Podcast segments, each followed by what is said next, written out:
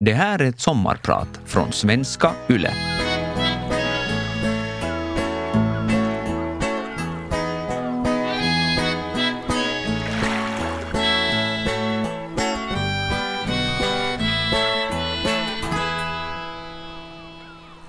Jag sitter på min säng i mitt sovrum i min lägenhet i Åbo och har telefonkonferens med min ministerkollega Hanna Kosonen och alla de ledande tjänstemännen på undervisnings och kulturministeriet. Jag tror att det är ett samtal som vi alla kommer att minnas för resten av våra liv. Vi funderar på hur man ska skriva de förordningar som behövs för att stänga alla skolor. Någonting som aldrig tidigare gjorts under fredstid i Finland. Ingen har någonsin stått inför en liknande situation.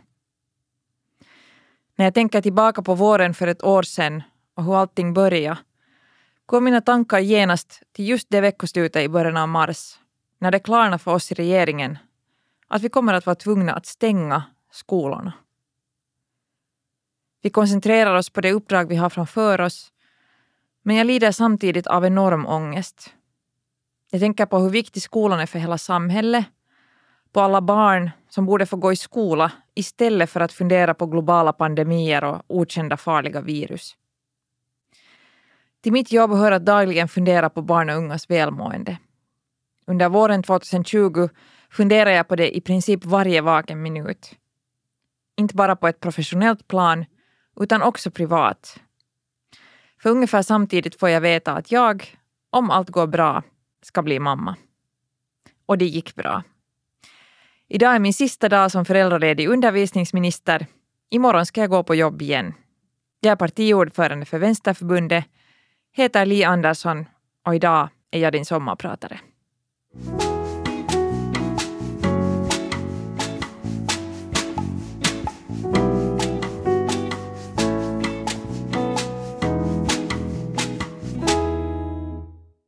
Jag har sysslat med politik på heltid i tio år och har suttit i riksdagen sedan år 2015.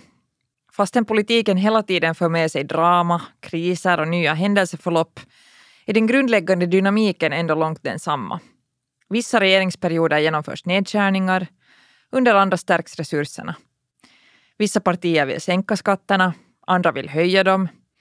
Politiska meningsskiljaktigheter och spänningar som existerar i frågor som småbarnspedagogiken, grundskolan, studiestödet och terminsavgifter är bekanta både för politiker och tjänstemän.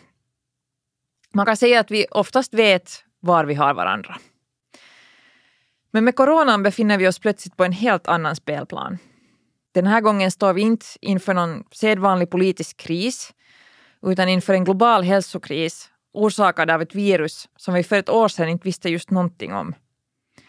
Regeringen har i det skedet precis fattat beslut om en omfattande lockdown, alltså en nedstängning av hela det finska samhället baserat på den information vi har fått från Institutet för hälsa och välfärd och Social och hälsovårdsministeriet.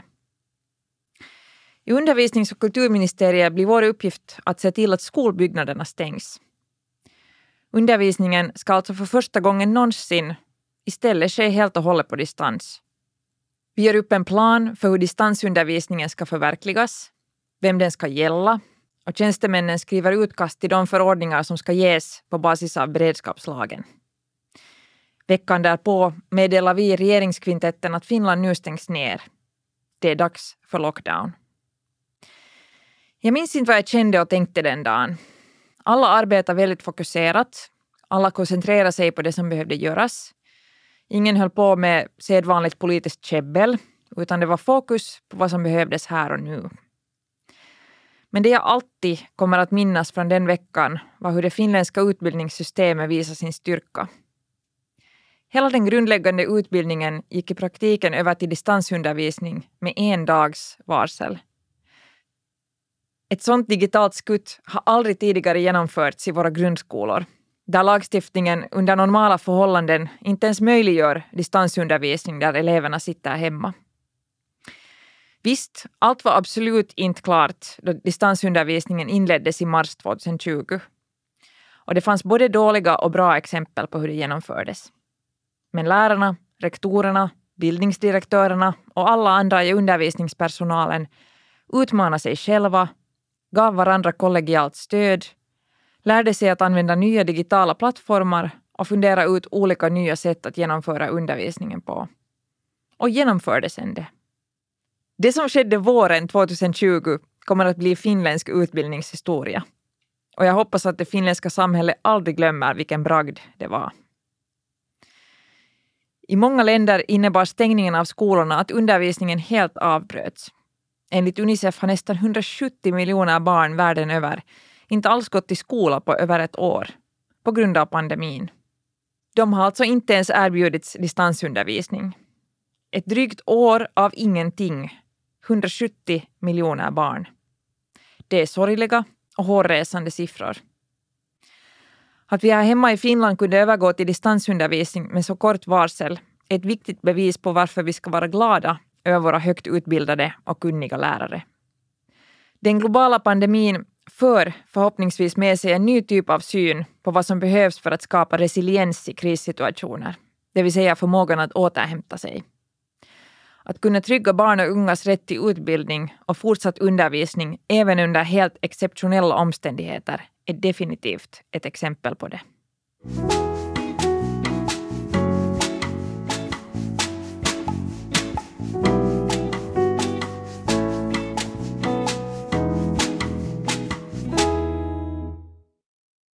När jag som undervisningsminister har fått frågor om mina egna skolminnen är det den sociala biten som jag minns allra bäst. Det vill säga hur viktiga mina vänner var för mig. Visst grälade vi ibland och alltid funkar inte gruppdynamiken och det var förstås jobbigt. Men det är nog mina vänner som har uppfostrat mig till den jag är idag.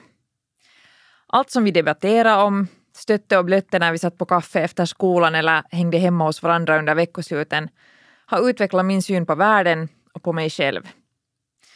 Jag lärde mig debattera i mitt kompisgäng från skoltiden och det har jag haft stor nytta av i mitt yrkesliv. Skolan handlar ju om så mycket mer än bara undervisning. Det är inte bara ett ställe där man lär ut fakta och metoder utan också en gemenskap där vi växer och uppfostras som människor och individer. Också i Finland är skolan för många barn det ställe där man får det enda varma målet mat för dagen. För många är skolan det enda ställe där man möter trygga vuxna. Så ja, jag visste ju nog redan då jag satt där i mitt sovrum i Åbo och hade ett telefonmöte med min ministerkollega och alla tjänstemännen att distansundervisningen kommer också att föra med sig stora problem. I början av år 2020 hade vi en första diskussion om effekterna av att stänga skolor med representanter för Institutet för hälsa och välfärd. De sa klart och tydligt att en stängning på några veckor inte kommer att ha någon effekt i fråga om att bromsa epidemin. Utan stänger man så måste det handla om minst några månader. Då tänkte jag, herregud, vad händer med inlärningen och välmående? Det är alldeles för lång tid. Men jag hade förstås ingen aning om hur lång tiden slutligen skulle bli, speciellt för unga på andra stadiet. Jag var rädd för att distansundervisningen förstärker skillnader som har att göra med elevernas familjebakgrund. Alla familjer har inte bärbara datorer och smarttelefoner som barnen kan använda för sin skolgång. Och alla föräldrar har inte möjlighet att själva vara hemma och distansarbeta för att kunna övervaka och stödja sina barn.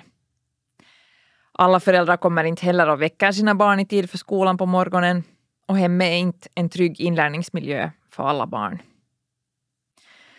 Utöver det här behöver alla elever stöd, hjälp och uppmuntran för sin inlärning. Just det stödet är svårare att förverkliga på distans än i klassrummet. Det är svårare för läraren att snappa upp tysta signaler om vem som kanske inte helt hänger med och annorlunda för specialläraren att förklara och stödja digitalt än fysiskt. Det kom därför inte som någon överraskning, det som vi nu vet, på basis av forskning, utredningar och förfrågningar från det senaste året. Vi vet att distansundervisningen har ökat klyftor mellan elever och de som redan innan hade det svårt har haft det allra svårast. Många elever som behöver skolan för att ha rutiner i sin vardag, som har svårigheter men ändå lyckas hänga med, löper nu stor risk att trilla av. På andra stadiet är det många som mår dåligt både fysiskt och psykiskt av allt för många månader med distansstudier utan möjlighet att syssla med hobbyer eller träffa vänner som normalt.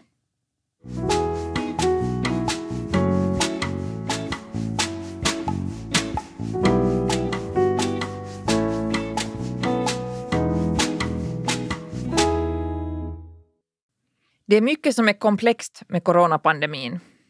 Hela det sätt som vi speciellt under den första våren tog oss an epidemin i Finland handlar väldigt mycket om nationell samhörighet. Oppositionen sa att nu är det dags att lägga de vanliga tvistefrågorna åt sidan. Och när restriktionerna infördes såg vi en våg av solidaritet och en vilja att vara tillsammans i det som hände.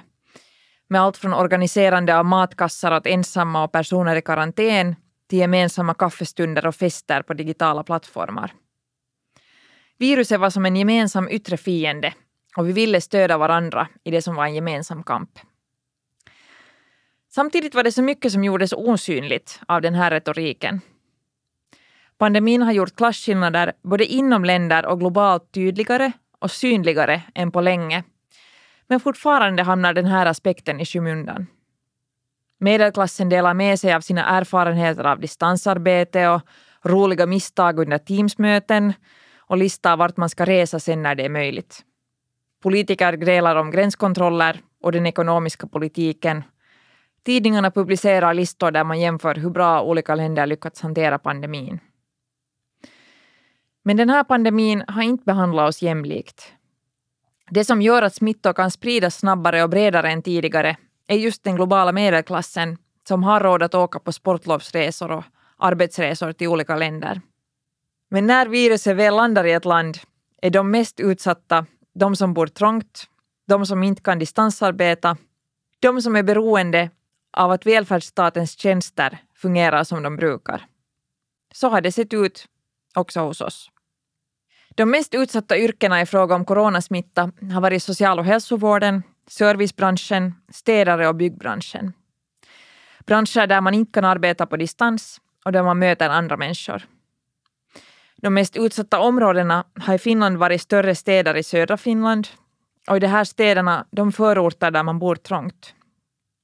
I Finland, liksom i många andra länder, har personer med utländskt påbrå varit överrepresenterade bland de som har smittats. Men det handlar inte bara om smitta. Ojämlikheten handlar också om hur vi klarar oss då samhället är mer eller mindre stängt och en stor del av den service som välfärdssamhället erbjuder inte längre fungerar som den ska. Förra våren stängdes till exempel en stor del av de platser som bostadslösa kan besöka under dagen och de härbärgen där man kan sova när det behövs. Våldet i nära relationer har i Finland ökat klart under det senaste året, vilket antas bero just på coronan och det faktum att våra sociala kontakter har varit så begränsade till den närmaste familjen.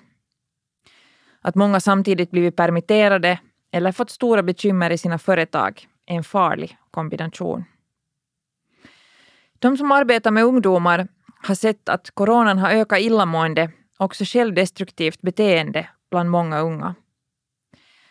De ungdomspsykiatriska avdelningarna i Tammerfors och Åbo har under den här andra pandemivåren varit så överfulla att vissa unga som har sökt hjälp har varit tvungna att övernatta på madrasser på golvet. Trots allt det som vi nu vet och allt som har hänt tänker jag ändå inte att förra vårens beslut om distansundervisning var fel.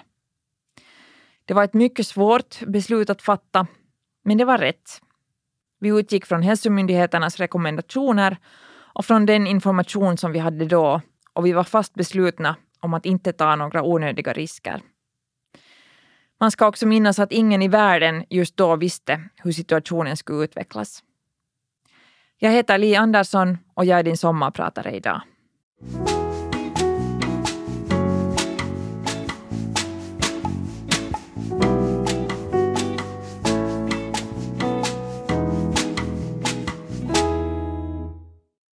När jag var liten var barn och ungdomsbiblioteket i Åbo ett av mina absoluta favoritställen.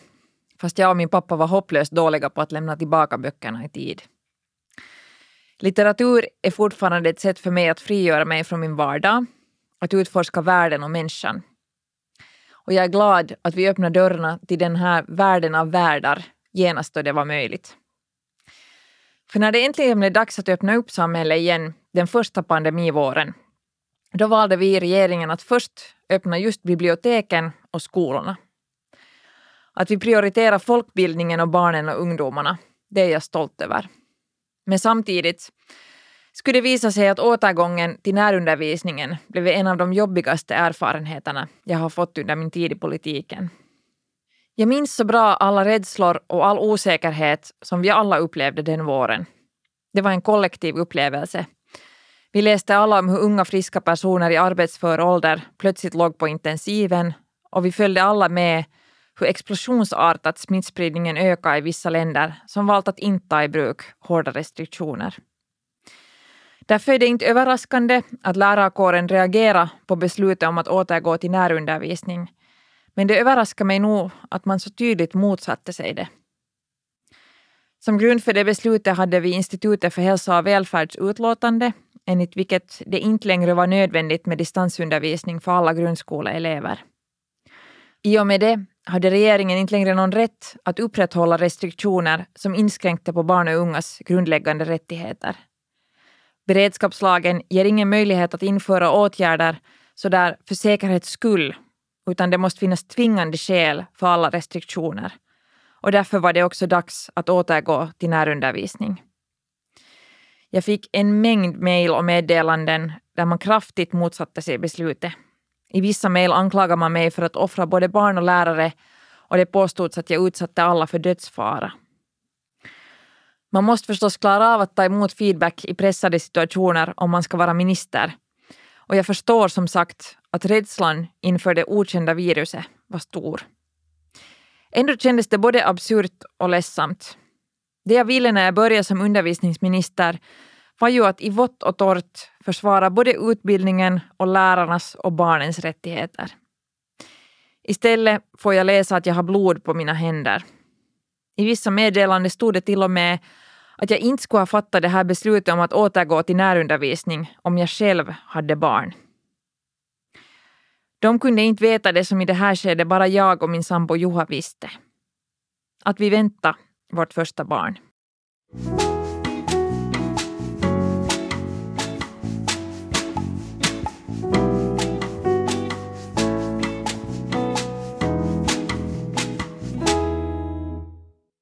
Att få barn är en oerhört omvälvande upplevelse och också väldigt privat på något sätt. Man går igenom så många olika känslotillstånd och också mycket som har att göra med ens egen uppväxt och ens egen familj. Jag har till exempel funderat mycket på vad jag bär med mig som mina bästa minnen och erfarenheter från min egen barndom. Sånt som jag hoppas kunna ge vidare i mitt eget föräldraskap. Jag är så tacksam över att mina föräldrar alltid har varit närvarande för mig och att jag alltid har haft känslan av att bli tagen på allvar. Att jag är en fullvärdig och viktig medlem i vår familj. Men sen är det också som man säger, att det personliga är politiskt. Och familjen är också en jättestor samhällspolitisk fråga. Jag kommer ihåg en gång under den här valperioden när regeringens ekonomiska råd höll ett möte kring nativiteten.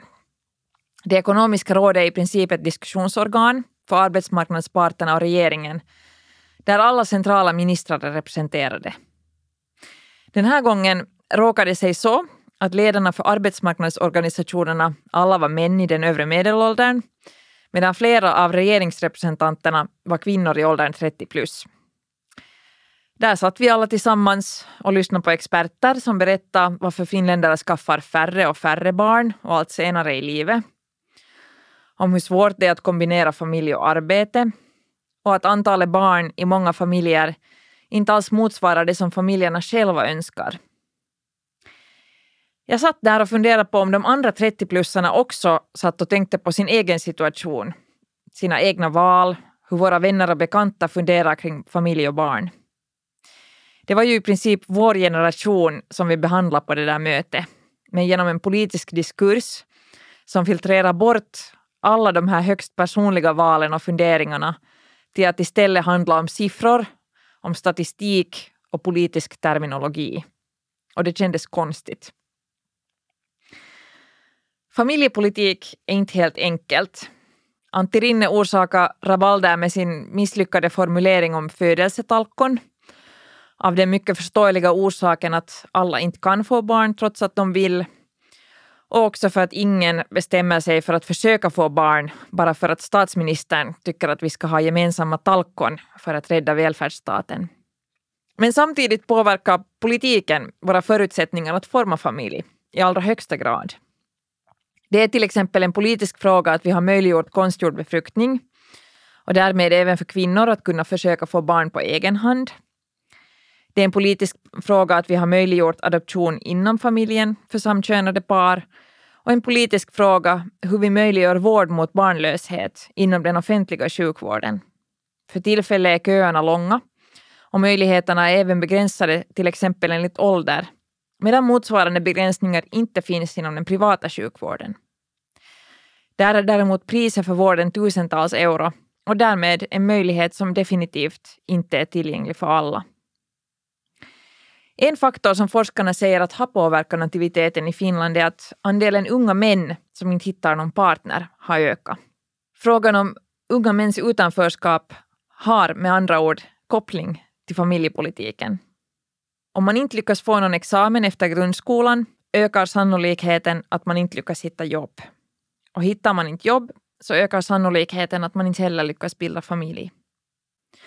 Om vi inte lyckas trygga de ungas välmående i ett tidigt skede av livet får det med andra ord följder som påverkar dem hela resten av deras liv.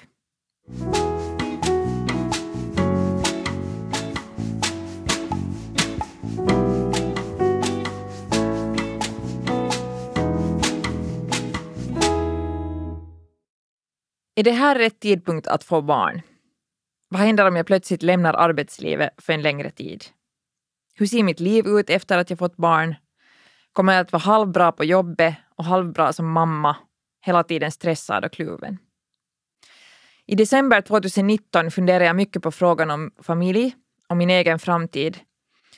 På om det är möjligt att välja både familjeliv och politik.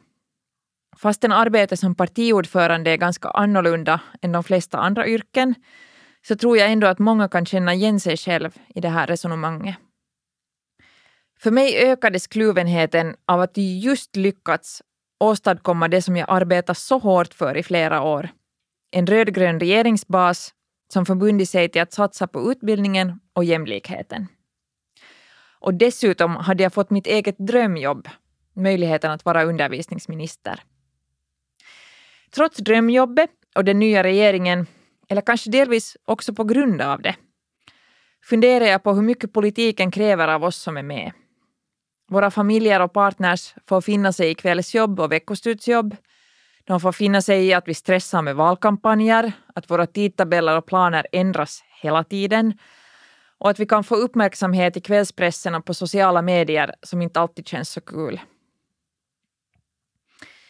Jag är mest rädd för att jag om tio år plötsligt ska se tillbaka och konstatera att jag gav för mycket. Att vissa prioriteringar som jag gjorde inte var värda det. Att jag borde ha vågat välja mer tid för de saker i livet som är mitt liv och som inte har någonting att göra med positioner och uppgifter som man bara har under en viss tid. Det som jag insåg är att jag nog skulle ha ångrat om jag lät politiken stå i vägen för ett hopp om en egen liten familj. Jag tror att vi får bättre beslutsfattare och också bättre beslut om beslutsfattarna får och kan prioritera saker som gör oss lyckliga som människor. Saker som vi kommer att bära med oss och som utgör våra liv efter att intervjuerna, talen, kampanjerna och politiken är förbi. Om jag med mitt eget exempel kan visa att det är okej okay att vilja satsa både på jobb och familj att det är okej okay att prioritera drömmen om sin egen lilla familj. Att det ändå aldrig finns någon optimal eller rätt tidpunkt för det. Då är jag glad.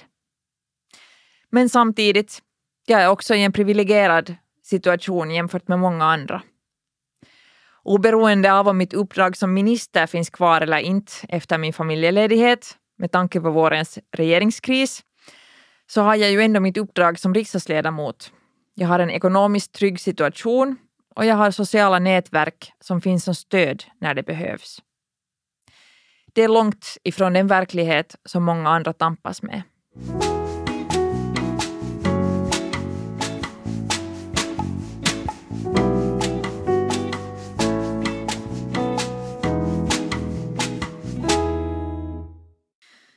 Det stör mig att det oftast bara är kvinnor som talar om utmaningarna med att kombinera arbets och familjeliv. Nästan helt och hållet enbart kvinnor. Det är som om det vardagliga föräldraskapet fortfarande mest är kopplat till kvinnorna. Och det är fortfarande bara kvinnor som får svara på frågor om hur man ska lyckas hantera både jobb och familj. Under den här och de föregående regeringsperioderna har bland annat mina kollegor Antti Kaikkonen, Antti Häkkänen och Paavo Arhimäki alla blivit föräldrar. Jag minns inte en enda intervju med de här männen där de skulle ha pratat om hur de kombinerar familj och yrkesliv. Jag minns på rak arm inte en enda sån intervju med en manlig politiker överhuvudtaget. Sauli Niinistös son var inget problem för hans presidentskap, tvärtom. Men jag undrar hur samhället skulle reagera om en kvinnlig president skulle få barn. Som jag sa tidigare så känns det fint om man med sitt eget lilla exempel kan inspirera folk och visa att vi inte är tvungna att välja mellan familj och arbete. Det är det jag försöker göra med det här sommarpratet. Och många av mina kvinnliga politikerkollegor har också lyft upp den här viktiga frågan. Men inte männen. Jag önskar att ens några män skulle föregå med exempel och säga att vi vill faktiskt bli uppmärksammade och erkända precis lika mycket och som lika värdefulla föräldrar. Att bli pappa är lika stort som att bli mamma och pappor är lika mycket behövda som mammor. En av de första sakerna jag slogs av när min dotter föddes var hur häftig känslostormen var. Visst, jag hade läst och jag hade hört om baby blues och att det är helt vanligt. Men det går nog inte att beskriva och det går definitivt inte att förbereda sig på hur många enorma känslotillstånd som river runt inne i en när man plötsligt befinner sig där på sjukhuset med den person som man har burit runt på i nio månader. Och när man samtidigt är otroligt upprymd och glad och så jäkla nervös och stressad och orolig för precis allting.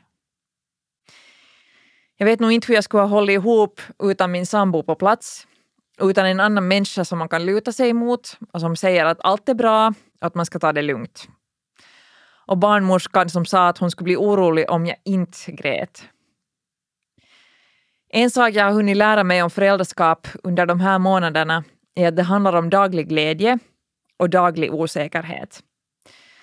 Mellan skratten, mellan förundran, ständiga vad är detta? Varför gör hon så?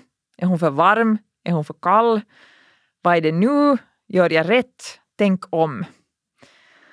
Så kommer det att fortsätta livet ut, antar jag. Det finns inte en förälder som aldrig blir trött, som inte behöver tid för sig själv ibland, som inte behöver en annan människa att luta sig mot någon gång. Ändå är det massor av föräldrar som axlar föräldraskapet helt ensamma. Och många familjer som inte har far eller morföräldrar nära som kan hjälpa till. Samhället borde bli mycket bättre på att trygga att ingen blir utan hjälp och stöd i sitt föräldraskap. Här är rådgivningen och småbarnspedagogiken helt centrala. Men de räcker inte om de egna krafterna är slut. Det borde berätta mer om till exempel hemtjänst för barnfamiljer och möjlighet till stödfamilj. Konkreta åtgärder som kan underlätta i vardagen och ge andrum när det behövs. Jag har tänkt mycket på det under den gångna vintern och våren, att coronan gör nyblivna föräldrar väldigt ensamma. Det finns inga föräldraträffar på kaféer, inget babysim, inga musiklekskolor eller bebisjumpagrupper som man kan gå på. Också jag och min familj har fått klara oss utan allt det här. Men jag ser fram emot hösten och att min dotter får ta igen det som hon har missat. År 2020 var ett år som inte påminner mig om någonting annat jag har upplevt. En världsomfattande pandemi som vände upp och ner på hela världen. En dotter i min mage som vände upp och ner på min egen värld. Året har varit jobbigt för de allra flesta och de negativa följderna är många. Men kanske det finns några positiva också. Om jag har förstått det rätt så ser det ut som att det har börjat komma mera bebisar till världen i Finland igen. Kanske coronan trots allt jobbigt den har fört med sig också har gett upphov till en liten babyboom. Kanske det har att göra med att pandemin har tvingat oss att titta närmare, att titta inåt. När vi inte kan vara på väg hela tiden, utomlands, till jobbet, till hobbyer, på kulturevenemang, fester och en massa annat, så tvingas vi att stanna upp och fundera på liknande frågor som jag grunnar på i slutet av år 2019. Vad är det som egentligen är viktigt i mitt liv? Vad är det som jag vill att finns kvar om resorna och festerna och karriären och allt annat faller bort? Kanske exploderar världen i en aldrig tidigare skådad konsumtions och resehysteri när det här är över. Men kanske vi lyckas bära med oss ens en bit av det här med att inte hela tiden behöva vara på väg någonstans. Jag hoppas det. För att minimera de negativa effekterna av pandemin behöver vi satsningar på barn och på unga och på barnfamiljer under en lång tid framöver. De klyftor som har vuxit fram i fråga om inlärningsresultaten och barn och ungas välmående går att åtgärda om vi både på statlig och kommunal nivå är beredda att satsa. Att satsa på vården, på rådgivningen, familjetjänsterna och på skolan. Det är upp till bevis nu för alla oss beslutsfattare. Det är nu som vi ska visa att Finland har lärt sig sin läxa av de misstag som gjordes i form av nedskärningar i samband med depressionen på 90-talet. Mitt namn är Li Andersson. Tack för att ni har lyssnat på mitt sommarprat. När jag tittar på min sovande dotter känner jag precis som alla andra föräldrar hur jag vill trygga hennes möjligheter att få bygga sig en egen ljus framtid. Och jag vet att det finns inte något bättre redskap för det än skolan.